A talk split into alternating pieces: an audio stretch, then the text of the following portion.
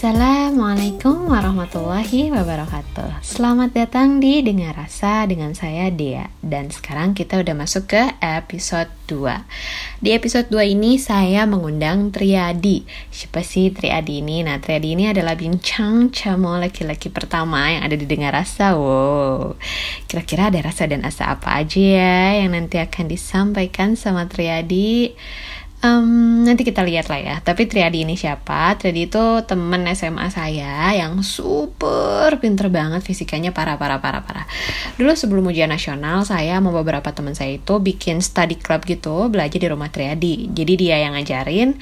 Terus e, caranya dia ngajarin tuh bikin saya ngerti saat itu ya. Kalau saat ini ya tentu saja sudah lupa.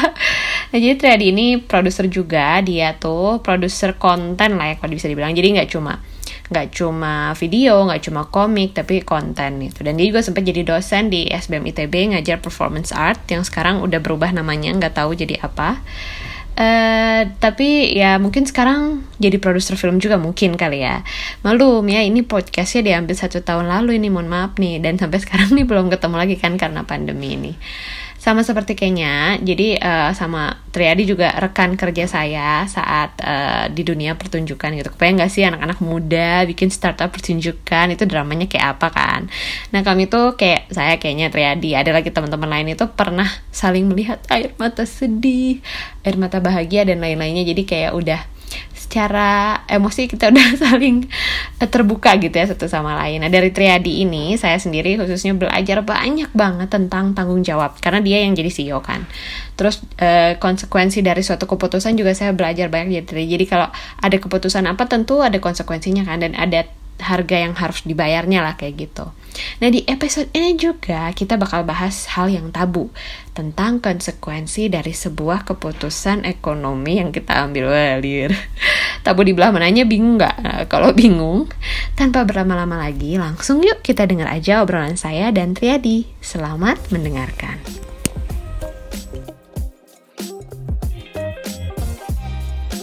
Uh, sekarang udah bareng teman saya namanya Triadi. Jadi Triadi ini siapa sih Tri? Kita um, kita tuh temen kenalannya apa dari SMA ya dia uh, kayaknya. Satu kelas ya dulu dia kak kakak kelas dia ketua kelas. Ketua kelas. Bener. Ketua kelas. Tapi ini ketua kelasnya agak agak nyentrik soalnya dia kalau ditanya cita-citanya mau jadi produser. Jadi kayak dari SMA tuh Triadi udah tahu mau jadi produser. Emang iya gitu? Emang iya. dari SMA udah pernah bilang gitu? Enggak deh kayaknya. Kelas 3. Masa sih? Iya. Udah pernah bilang gitu? Iya, yakin? Bilang, yakin. Kamu tuh SMA apa coba cita-citanya? Saya nggak ingat. Saya soalnya saya ingat saya, saya baru punya cita-cita kayaknya pas 2013-an ya kayaknya. Tapi kamu pernah bilang loh kamu mau jadi produser, tapi Sumpah? itu kapan ya? Tapi nggak tahu sih. Maksudnya kayak waktu itu kan pintar fisika nih ceritanya. Betul betul, pintar, pintar fisika. fisika. Pintar fisika tapi ditanya mau masuk jurusan apa tuh jawabannya SBM itu tuh kayak mengguncang seluruh dunia gitu karena anak yang jago fisika kan harusnya teknik ya ini kenapa gitu mau masuk SBM? Saya nggak tahu ya, saya tuh lumayan pelupa nih dek. Jadi kayaknya dia yang lebih pengingat, kayaknya lebih lebih. Iya soalnya aneh gitu. Jadi kan kayak orang yang jago fisika, karena mau masuk teknik nih, tapi kenapa terjadi masuk SBM itu dulu deh. Eh, kalau itu alasannya lumayan ingat. Kenapa? Ingat ingat gara-gara. Saya kan sayang, semua orang tuh kayak Triadi, SBM sayang banget. Enggak, enggak, enggak. Kan SBM tuh lebih rendah gitu, kan. Nah, sebenarnya saya tuh selalu suka banget sama narasi itu. narasi di mana ketika direndahin, tapi tuh saya nggak pengen ngerasa direndahin. itu saya senang pisan. Karena saya tahu pisan kayak kayak apa ya, wah berarti kalau gitu uh, eh, gue pengen nunjukin aja ke orang kalau gue tuh punya harganya kok gitu. Uh, cuma waktu dulu tuh seinget saya mah kenapa saya suka pisan fisika gara-gara waktu itu Pak Tata tuh ngebuka kelasnya tuh bilangnya adalah kita nggak bakal belajar fisika tapi kita bakal Seingat saya ya, ini juga saya lupa-lupa ingat dan kalimatnya kayaknya juga nggak sebagus ini. Cuma ini kalimat yang kayaknya bagus buat dijual di podcast gitu. Kita tuh nggak bakal belajar fisika, tapi kita bakal ngebaca alam lewat matematika. Waduh. Gimana nggak kebeli coba yeah. hal-hal yang kayak gitu kayak yeah. wow. Padahal dulunya tuh pas saya ingat pisan pas zaman SMA mau masuk IPA tuh fisikanya remedial deh.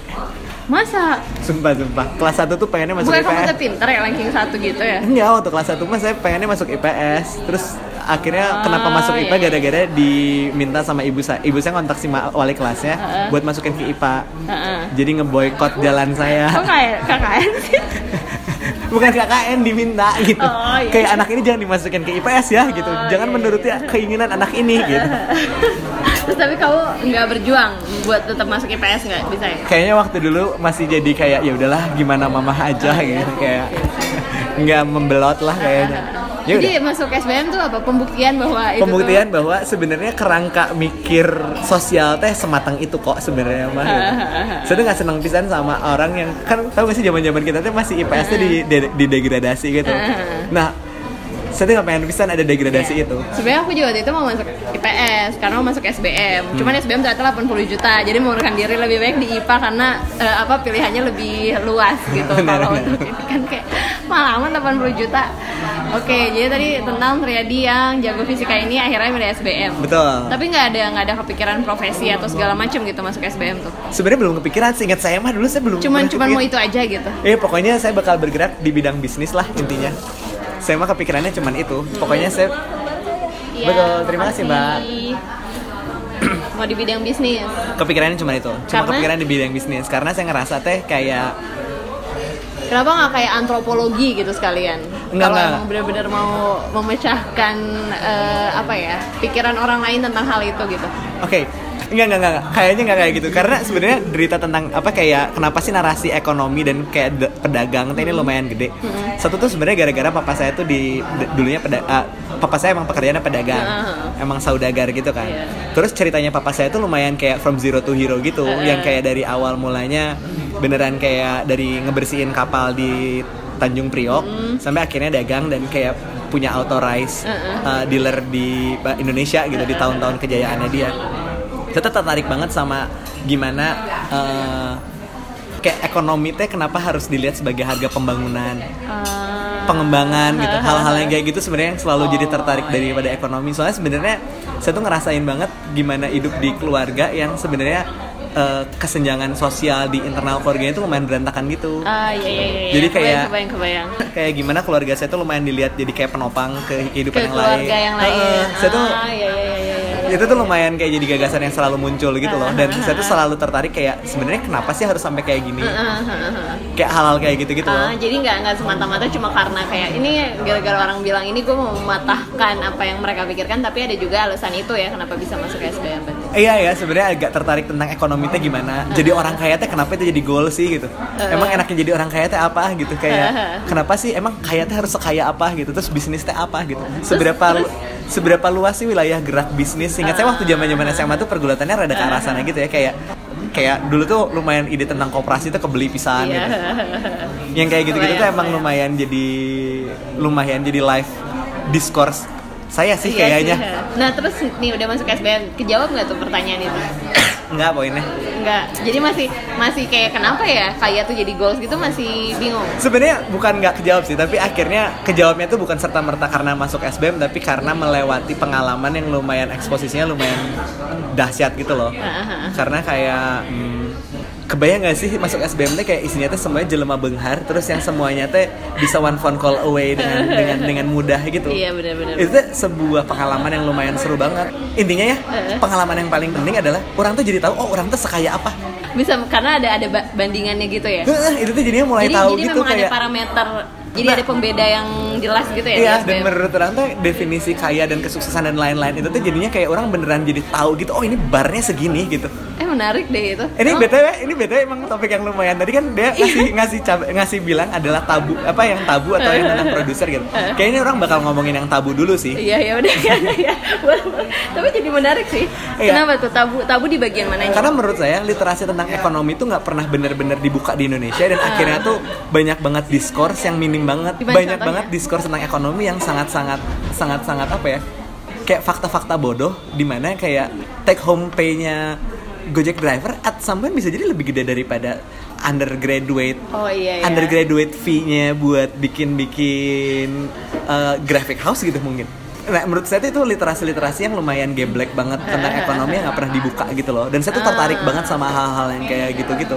Kayak kalau misalnya saya punya super power gitu, saya diskusi sama si pacar saya si Raras ini. Saya tuh suka bilang kayak super power apa yang pengen diketahui. Saya pengen tahu hitungan utang orang-orang. Jadi kalau saya ngeliat orang, saya bisa tahu hitungan utangnya berapa. Saya tuh selalu nggak percaya sama social economic status gitu kan sebenarnya dari dulu tuh kayak ini bakal Naon bisa ngakses sih, ya itu tuh naon sih gitu yang selalu orang tuh sebut privilege teh naon gitu. Saya tuh kan nggak pernah sebel banget sama ada embed-embed yang kayak gitu. Tapi karena saya jadi tahu Kenapa gitu. bisa sebel tapi?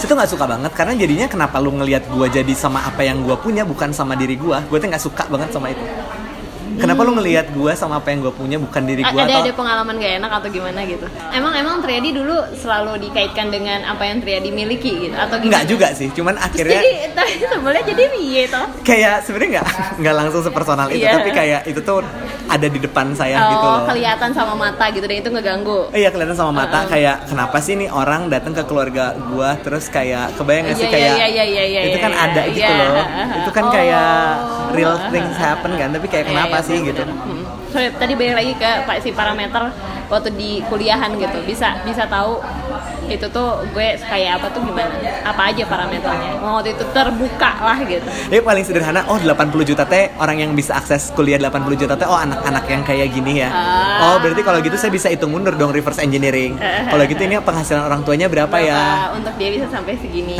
terus kayak oh penghasilan orang tuanya segini terus oh oke kalau kayak gitu berarti gaji bulanannya dia berapa ya apakah di bawah saya atau di atas saya Ah. Kan itu sebenarnya bisa di reverse engineering dan sering kali reverse engineering di bagian ekonomi atau bahkan bisa jadi nih yang ngedengerin podcast saya ini tuh banyak banget yang ngerasa cringy dan terganggu banget sama topik-topik kayak gini Iya iya sih benar benar ya. iya sih iya sih. Ini tuh cringy emang- dan tabu banget. Emang nggak emang yang menurut Triadi gitu. Ini kenapa sih harus diomongin? Eh, kenapa harus diomongin menurut saya tuh ini tuh ngas- ngasih pembukaan dan kejelasan competitiveness menurut saya Oh iya tadi competitiveness. Iya. Waktu itu sempat lihat juga sih di eh, apa instastorynya Triadi Iya. competitiveness atau Originality. Iya. Itu emang lagi ada apa sih di kepala Triadi? sebenarnya tuh ada ada diskusi bahwa kalau kamu bikin karya atau bikin apa cara bersa kayak lu tuh bisa bikin yang original ya tapi bisa jadi nggak kompetitif Contohnya? film-film art house deh itu kan super fucking original kan gitu. tapi kayak at some point it's not oh, Iya. really kompetitif gitu Ya tapi itu kalau ngomonginnya bisnis kan. ya tapi kalau ngomongin ke diri gampang banget loh kayak gimana? seberapa jauh lu mau memperjuangkan IPK lu Heeh. atau seberapa jauh lu mau mau pinter apa Bedanya karena bisa jadi orang pinter nggak tercermin oh Jadi, iya. ada banyak banget standarisasi standarisasi standarisasi standarisasi yang sering kali ngedismiss originality di Indonesia tuh sering banget hal-hal kayak gitu terjadi Oh iya. iya. even untuk ngeakses mau ngeakses seberapa kaya itu tuh sebenarnya juga ngomongin tentang mau lu mau competitiveness atau lu mau originality. Iya. dan apakah lu mampu untuk membawa originality originality lu sampai ke daya yang punya competitiveness? Atau apakah competitiveness Eh, lu itu bener juga. sampai ya. memiliki daya sampai akhirnya disebut jadi original gitu? Ah. jadi isu tentang ekonomi saingan literasi ekonomi pembangunan itu tuh kayaknya jadi narasi yang lumayan gede di kepala saya Tapi apakah originality dan competitiveness itu dua hal yang bertolak belakang sampai harus emang dipisahin? Enggak, enggak Maksudnya di- sampai harus di kayak pilih ini atau ini? Kenapa nggak bisa dua-duanya gitu? kayak enggak. originalitas eh, tapi kompeti- kompetitif juga gitu sih karyanya. Enggak, saya sengaja eh, sebenarnya kalau untuk milih dua sih sebenarnya selalu orang punya kebebasan untuk itu dan bisa bikin proporsi itu. Makanya saya pas bikin instastorynya adalah kayak if you had to choose gitu Ya, kayak if you had to choose ya between this and that. Iya. gitu. Oke. dan saya rasa itu lumayan representatif dan tolak belakang kok gitu. Bisa Oh. gigit dulu ya deh. Ya nggak apa, santai aja makan dulu aja. Apa yang membuat Triadi Mikirin peduli? tentang Ya, eh. kayaknya tentang moral choices soalnya. Hmm. Banyak banget orang-orang itu yang kayaknya nggak punya moral choices yang lumayan kuat menurut saya gara-gara ada Moral choices itu apa? moral choices tuh kayak apa ya kayak kenapa lu jadi kayak gini? Itu tuh orang tuh suka nggak punya daya punya artikulasinya. Kenapa penting buat orang punya daya artikulasinya? Nanya mulu maaf. Karena jadinya dia punya ibaratnya kalau saya nulisin obituarinya buat dia Eh. saya jadi tau lah mau nulis apa gitu. Nggak cuman kayak satu orang lagi meninggal hari ini gitu. Ah, at least jadinya dia Oh, punya iya. mark gitu loh. Iya. di, di dunia tuh mau ngomongin apa sih gitu. Legacy ujung-ujungnya. nggak sampai legacy juga lah. At least banget memorabilia aja lah Oh, gitu iya, buat di iya. eranya. Iya, siap, siap, siap. Oke, Kayak tadi, gitu. Tadi moral choices itu apa hubungannya tadi sama ekonomi si- eh, eh. paling gampang ini deh dengan fakta bahwa sebenarnya start start apa start pay grade nya lulusan S1 itu bisa jadi kompetitif sama Gojek Oh, driver eh, eh, eh, eh. kenapa nggak jadi Gojek driver aja Nggak mau gitu misalnya ya. iya Eh, eh. kenapa gitu Karena mungkin yang dicari bukan masalah jumlahnya kali ya. Terus pertanyaan lanjutannya adalah kenapa Gojek driver nggak ngambil S1 Ya bisa jadi karena udah dapat duitnya juga. Si. Jadi maksudnya tapi reasonnya kan beda ya. Reasonnya adalah tentang ekonomi pembangunan abis itu terus kita bakal nge ngebiarin berapa puluh Gojek driver jadi Gojek driver aja gitu emang dia punya karir plan nih berapa banyak urban yang bakal naik tapi bukannya ada yang bikin, eh masa jadi Gojek driver buat menopang kuliahnya juga? Eh, setuju, setuju. Saya nggak nge-dismiss tentang adanya statistik-statistik itu, tapi kita ngomongin statistik juga ngomongin bigger choices yang bakal terjadi Iya dan sih, happening ha, ha, dong. Iya, iya benar-benar. Secara statistik pasti selalu Iya. ada eh, selalu ada nominasi-nominasi yang tadi dia sebut kok. Iya. Oh, ada 2 3% pasti selalu ada. Tapi kan Iya, kita iya. ngomongin ngomongin bigger pie Iya, dong. iya, iya, iya, benar, ngomongin ekonomi pembangunan ngomongin bigger pie dong Iya, iya, gitu. iya, iya. Atau kayak paling sederhana gitu. Kenapa Ah. sih tukang bakso yang ada di tukang bakso apa yang ada di SD kita tetap jadi tukang bakso? Dan dia nggak tua-tua. Eh, dan dia nggak tua-tua dan dia juga fine fine aja. Iya, kenapa dan, ya? dan what is happiness kan kayak kalau kayak gitu. Iya. And then what is progression gitu. Ah. Itu tuh pertanyaan-pertanyaan yang menurut saya tuh sering banget nggak pernah kebahas terus kayak ya udah itu mah udah kayak gitu. Enggak, itu tuh nggak kayak gitu doang gitu. Eh tapi itu mah kan reason Perorangan ya reason kan. perorangan kan. Setuju, setuju. Tapi pertanyaannya adalah apakah kesempatan untuk dia tumbuh dan literasi kalau misalkan eh tukang pecel lele lu tuh bisa jadi punya franchise gitu. Itu tuh pernah dipaparkan atau enggak? Jangan sampai kesempatan itu tuh nggak pernah terpaparkan dulu ke gitu. para Ke orang yang ada di depan ini. sebenarnya punya pilihan buat mengakses itu gitu Iya ya. gitu. Menurut saya paling penting tuh adalah sering kali nggak ada punya nggak pernah adanya pemaparan dulu aja sih. Dan itu emang harusnya siapa sih yang melakukan itu? Nggak ada yang harus. Nggak ada yang harus. jadi maksudnya kegelisahan Triadi ini akan diwujudkan jadi apa nih kalau misalnya udah tahu nih semuanya. Dan ini tuh tabu nih. Udah kita udah ngomongin nih. Kita ngomongnya kan di sini gitu. Kita bukan ngomongin sama orang yang maksudnya teh udah udah ini teh apa gitu. Hmm, saya sih nggak berharap banyak ya Heeh. sama tentang literasi ini. Hmm. Tapi at least banget kita jadi tahu limiternya aja ketika kita ngomongin sesuatu teh Hmm, hmm, hmm. kita teh berbatas sama apa gitu loh. Biar Biar makin fully aware dong kayak misalnya sederhana gitu. Lu tuh mau achieve hidup yang kayak gimana? Ada konsekuensinya pasti ada oh iya tentu itu mah ya. pasti ada maksudnya konsekuensinya adalah ada konsekuensi pekerjaan itu tuh pasti harus ada. Iya. ha. Kayak misalnya Greece, Heeh, Yunani, heeh. ada banyak filosofer. Terus kita mengagungkan para filosofer itu. Heeh. Sorry itu saya ada perbudakan di sana. Iya.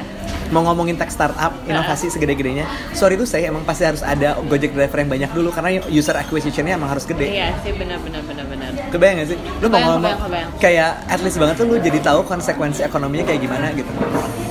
Lu mau punya rumah gede, Hmm. sorry itu saya pasti ada akan ada pembantu di sana. Dan Iya. pembantu tuh emang lu pikirin sejauh apa dengan kehadirannya. Eh, untuk setiap keputusan yang dibuat Iya, yang secara ekonomi itu jadinya conscious gitu. iya ha, ha. Ah iya iya Dan iya. ketika soalnya at some point pembantu-pembantu kayak gitu hubungan hubungan power dan ekonomi relationnya kan emang cuman kayak ya udah gue untung dapat kerjaan dia nggak pernah ngerasa untung yang lain kan Gak Terus- tahu, gak tahu. eh. Eh, iya kan terus emang sengaja nggak kita buka juga gitu karena kalau gue kehilangan pembantu gue juga yang repot gitu Nah, kenapa aku nggak kepikiran? Karena ya udah itu tuh kayak kalau buat aku ya itu tuh emang kayak ya udah itu adalah adalah yang akan terjadi gitu loh. nah saya tuh nggak pernah suka sama itu sebenarnya Eh, jadi harusnya gimana nih kalau menurut Triadi gitu? sebenarnya saya tuh nggak pernah sukanya karena Tapi kalau misalnya semua maksudnya ketika satu orang ya, let's say yang orang kayak gojek driver, tukang bakso, pembantu tadi kayak dia memang ngerasa cukup sama itu, ya se- se- sederhananya adalah Indonesia tuh nggak punya gagasan ekonomi yang jelas dan bisa saya pandu. Nggak pernah ada proporsi berapa kampung berapa kota. Kalau ada proporsi itu ayo deh. Ah, masalah-masalah semua itu tentang narasi gitu ya. semua narasi tentang pengembangan dan pembangunan tuh semuanya tuh nggak pernah ada gagasan ekonomi kita mau ke arah mana mau yang mana gitu. Konsekuensi macam apa yang di ekonomi kita yang mau diestablish gitu. Mau ngomongin urbanisasi Eh, lu keluarin dong proporsi antara kota sama kampung. Iya, Ay, sejauh ini yang Triadi lihat nih di Indonesia tuh kayak apa? dek nggak usah Maksudnya susah-susah arah-arahnya gitu. Sekarang tuh kita tuh lagi apa sih ini tuh? within this 20 years in Eh. Bandung dia tahu sendiri kan perubahannya ke arah mana. Duit Jakarta masuk. Ini kita lagi di Burgrins Eh. franchise dari mana? Dari Jakarta kan? Eh. terus habis itu ada orang Bandung kan? Heeh. orang ada orang Bandung yang ngambil franchise-nya ini kan? Ya nggak? Dan orang Bandung ini tuh pasti juga uang lama Bandung gue nggak sih? Nggak mungkin tiba-tiba bisa bawa franchise dari Jakarta untuk nyawa di Cimanuk loh. This is high expensive. Iya juga sih. ini tuh ada konsekuensi-konsekuensi kayak gitu jadi kayak sering banget teh orang tuh nggak pernah mikirin tentang konsekuensi pembangunannya orang tuh cuma pengen maju aja ke pembangunan tapi teh Tapi kayak lupa, ngom- lupa ngomongin konsekuensi atas apa yang dia pilih gitu ya. Iya, dan menurut gue tuh emang harus ada pembatasan tertentu kalau emang pengen nge-preserve value tertentu. Hmm. Jadinya tuh kita tuh nggak punya, kalau ngomongin nggak bangsa Indonesia tuh nggak punya identitas nggak punya karakter. Lu mau makan apa? Kebayang nggak sih? Tapi- pusing gitu kayak itu tuh kan selalu jadinya moralis kan. Bohong itu bukan narasi moral, itu narasi ekonomi karena ekonomi kita nggak pernah beres. nggak nggak jelas ya sih tujuannya mau ke mana Nah, ya nggak nggak pernah ada proporsi yang beneran jelas kok. Kayak paling gampang gitu. tapi ini bukannya karena ada akibat politik juga ya di dalamnya Ah, saya tuh lumayan gak percaya politik ya karena kan saya ngeraja ngerjainnya UMKM, bayang nggak sih? Saya tuh ngerjainnya kayak di mana decision making daripada seorang pemilik bisnis tuh bisa ngaruh sama hal orang lain. gitu. Ya itu kan sederhana banget ya. Paling gampang deh, kan saya keluarga punya selaras gitu. Saya tuh suka penasaran, mungkin gak sih karyawannya selaras guest house jadi yang punya selaras guest house? kayaknya enggak sih Kenapa nggak mungkin? Nah pertanyaan itu, kalau yang punya kan udah ada yang punya mau kalau jadi bos mungkin iya Pak, kebayang. Saya mau maunya dia yang punya, kenapa nggak mungkin? kayak unless kamu mau jual kan Setuju. Oh, Terus iya sih. kenapa nggak mau dijual dan kayak apa yang ngebuat jadi nggak mau dijual atau ngebuat kayak kebayang nggak sih? Ah, itu kan diskrepansi iya, iya, ekonominya iya, dan pengalaman knowledge-nya itu jauh banget. Iya, soalnya aku mikirnya kayak kalau misalnya kamu yang punya ya unless kamu mau ngejual, dia berarti dia ada ada kesempatan gitu. Iya. Atau enggak ya dia harus ngelakuin sesuatu apa supaya kamu mau ngejual gitu kan. Exactly right. Iya sih, But bener. that things never happen gitu. Iya, That- kayak kayak nggak nggak ada aja di kepala kita ya tentang iya, itu. tuh. narasi-narasi kayak gitu tuh nggak pernah ada. Ada tapi itu itu tapi di di segolongan orang doang dan itu kecil banget sih. Konsekuensi ma- antara your economic choices within your moral value itu nggak Iya pernah dibahas sama sekali. Heeh, ya.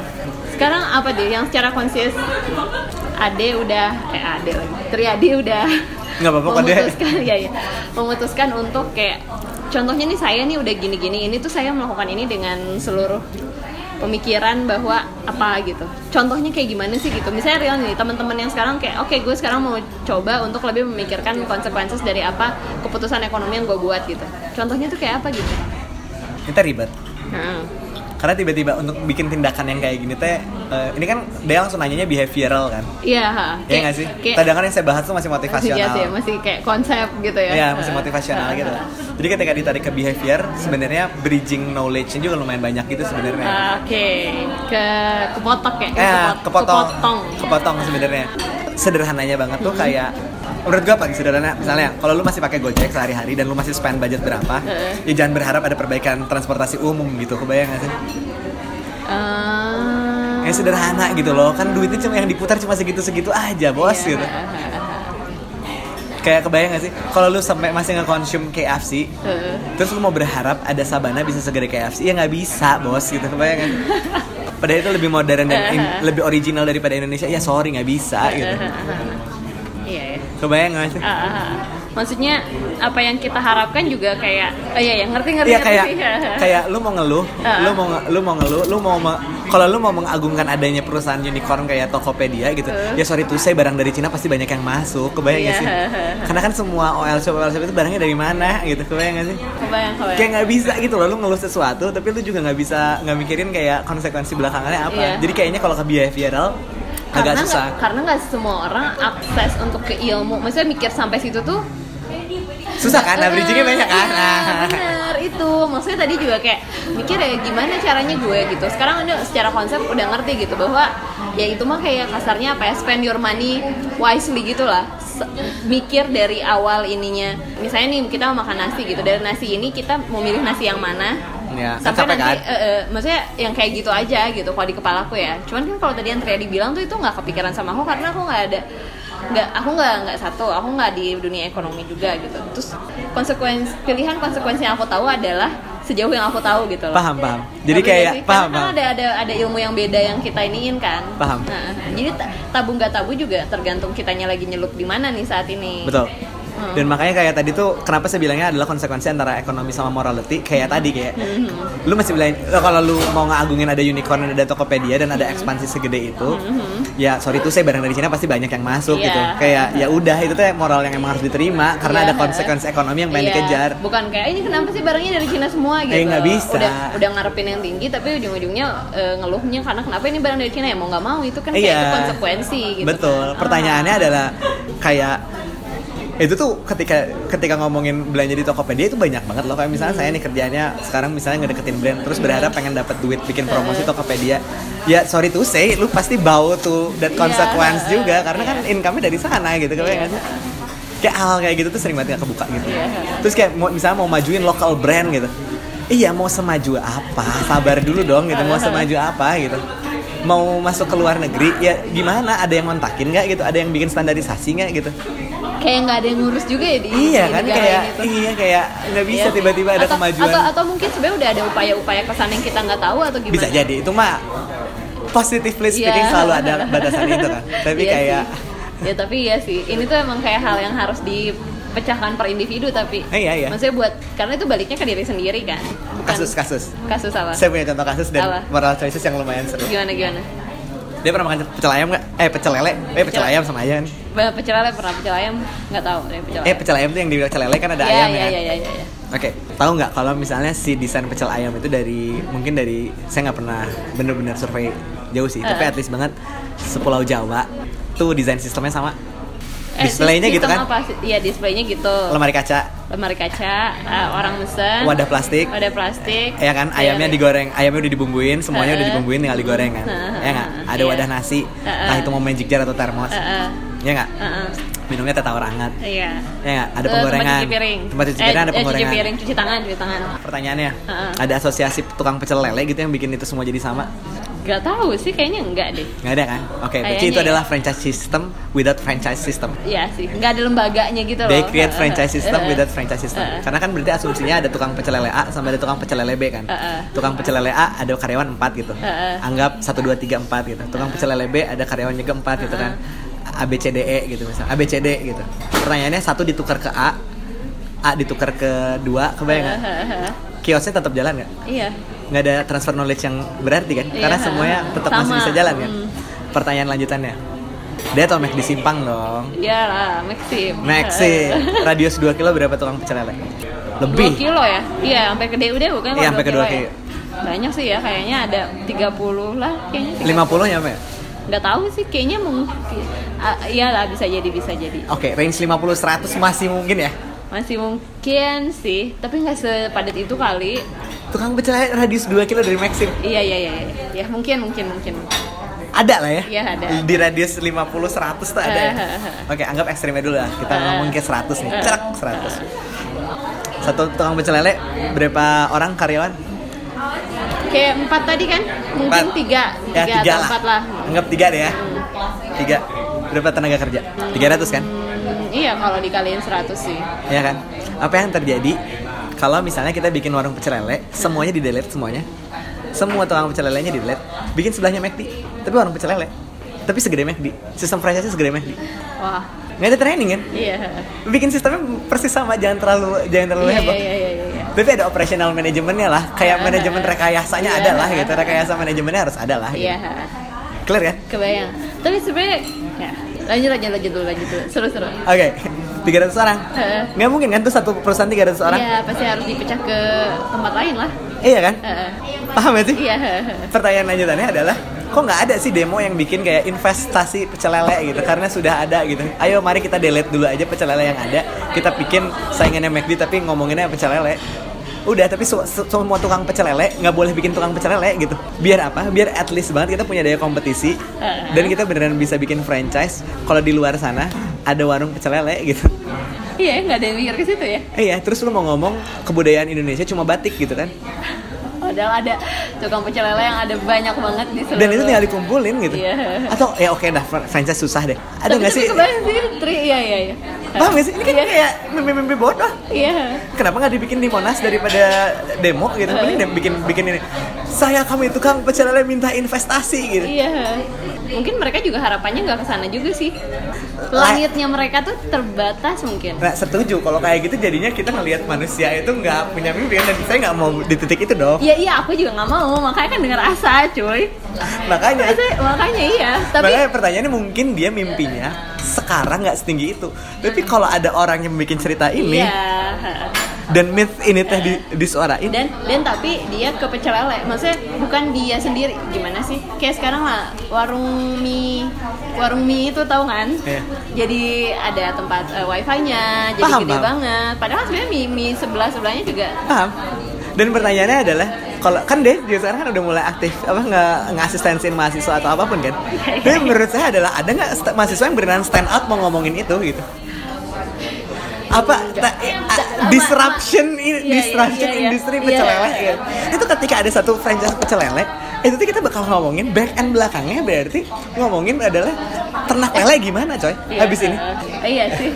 Wah gila sih Tri jadi kalau mau di kopi boleh banget loh idenya. Tinggal silakan silakan. Saya mah bakal bilang kalau saya mah nggak saya nggak mau jualan ide ini dan nggak mau melisensikan arahan ini. Tapi buat saya mah ini tapi- menarik. Iya sih benar karena nggak ada yang mikir ke situ Tri. Maksudnya iya sih. Ya saya tahu tapi lulusan SBM terus kayak udah berapa biji gitu terus iya. diskusinya aja nggak pernah kebuka loh di kampus di kampus. Iya, yang topik yang beredar paling cuma kayak lingkungan, sampah. Maksudnya ya berputar di situ-situ aja gitu. Karena itu yang paling kelihatan dan itu yang kelihatan impactnya banget buat kita kali ya. Beda sama kayak topik pecel lele ini. Kalau pecel lele kan itu impactnya ke kita, kebutuhan kita terhadap itu kan cuman kayak makan kenyang. Beda sama kalau sampah. Sampah tuh ada baunya. Kalau udah menumpuk kan jadi nggak enak juga gitu. Exactly, Maksudnya kayak ada im- impact ke kitanya juga beda. Jadi nyentuh nyentuh kitanya juga beda kali itu kali ya. Setuju, gara-gara makanan di Indonesia murah banget. Sederhana deh. Ini kita ambil satu-satu hitung-hitungan gampang lagi ya. Ah, boleh, boleh. Dia pernah Singapura nggak? Ah, Pernah kan? Ah. Sekali makan berapa dia paling murah? gak tau lah 80 100 ribu lah. Oke, 6-7 dolar ya berarti ya? Iya iya iya. Ya nggak sih? Ah, ah, 6-7 dolar.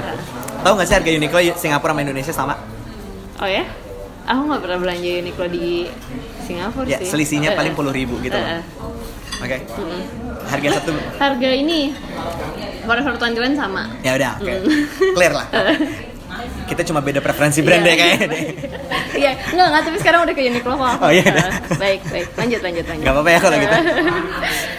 Uniqlo Singapura sama Indonesia sama. Terus udah nggak pernah belanja Oh, Iya, iya ngerti. Terus kita ngedebatin perbedaan Eh, brand. Iya, Nggak nggak penting. jelas. Nah, next. Oke, 60 ribu, 70 ribu kan? Heeh. Satu baju Uniqlo paling murah berapa sih? 300 ribu lah ya. Dapat shirt yang Iya. proper gitu. Iya. Ya nggak? Dapat set juga kan? Iya. Proper lah cewek. Iya. Oke. Di Singapura, Mm-mm. berapa kali nggak makan buat dapat satu baju Uniqlo? Sekitar Empat? dua, tiga. Oh tadi 100 ribu kok 300 ribu kan tiga kali. Oke, paling murah. Oke, kalau gitu paling murah Uniqlo berapa sih? Ada yang 100 ribu? 250 ribu. Ada yang paling murah 200 ribu? Ada lah, ada 200 ribuan. Ya 200 ribu ada ya? Heeh. Berarti kalau gitu di Singapura puasa berapa kali? Dua, dua kali nggak makan. Dua tiga kali nggak Iya, makan kan? Di Indonesia kamu makan paling murah berapa? Tahu palingan 15 ribu lah bisa. 15 ribu udah kenyang banget kan? Iya, tujuh. Paling gampang banget makan gorengan 4 ribuan ya Iya, maksudnya masih mau, kenyang. mau mau kenyang kan?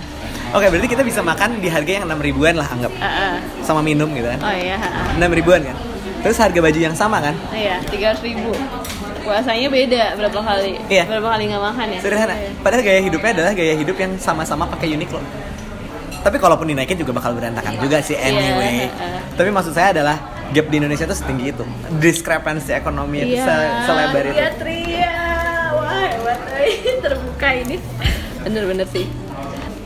Oke, pertanyaan selanjutnya adalah nih setelah kita ngomongin ini nih, apa sih yang Tri harapkan buat teman-teman yang dengerin? Ah, bukan harapkan lah, ah, mau ngomong apa gitu lah. Any last words? Kayak- Kalau mau bawel baca laporan keuangan, udah gitu aja. oh, iya. Kalau lu mau bawel tentang pengembangan dan pembangunan Indonesia, bacain tuh, mintain setorin tuh semua Oh, laporan iya. keuangan. Jujur aja tuh semua, bukain dong. Lu mau ngeluh-ngeluh film Indonesia nggak ada yang bagus itu, dateng buk- adain kayak rapat evaluasi terbuka. Malu sama Amerika, budget dibuka kan, box office income juga dibuka Iya. kan. Ya kita jadi tahu dong seberapa mahal dan seberapa jeleknya dan seberapa nggak lakunya. Iya. Indonesia tuh sampai sekarang nggak nggak nggak berani buka-bukaan kayak gitu. Iya kenapa? Kenapa ya? nggak tahu gara-gara ngerasa kayak at least gue udah dapat barang ini jadi gue kerasa kaya sorry Iya. Kayak- Iya ya, nggak mau ngebuka apa nggak mau yang di ngebuka gitu Iya itu. nggak bisa nggak bisa gue mau bilang adalah kalau lu mau bawel bacain laporan keuangan Ah. lu mau bawel tentang apa yang Apa? kurang di Indonesia bacain aja dulu laporan keuangan kalau udah pada bisa baca laporan keuangan boleh deh Heeh. Palingan juga ada pemahaman jadi oh, Oh, iya, iya, gitu. iya. Iya bener sih. Bener. Wah, sip. Terima kasih Tri ngobrol-ngobrolnya tentang apa nih tadi? nggak tahu apa ya Ekonomi, Dan moral choices. dan moral choices. Oke. Terima kasih banyak Tri dan kita ketemu lagi di episode eh, selanjutnya ya teman-teman.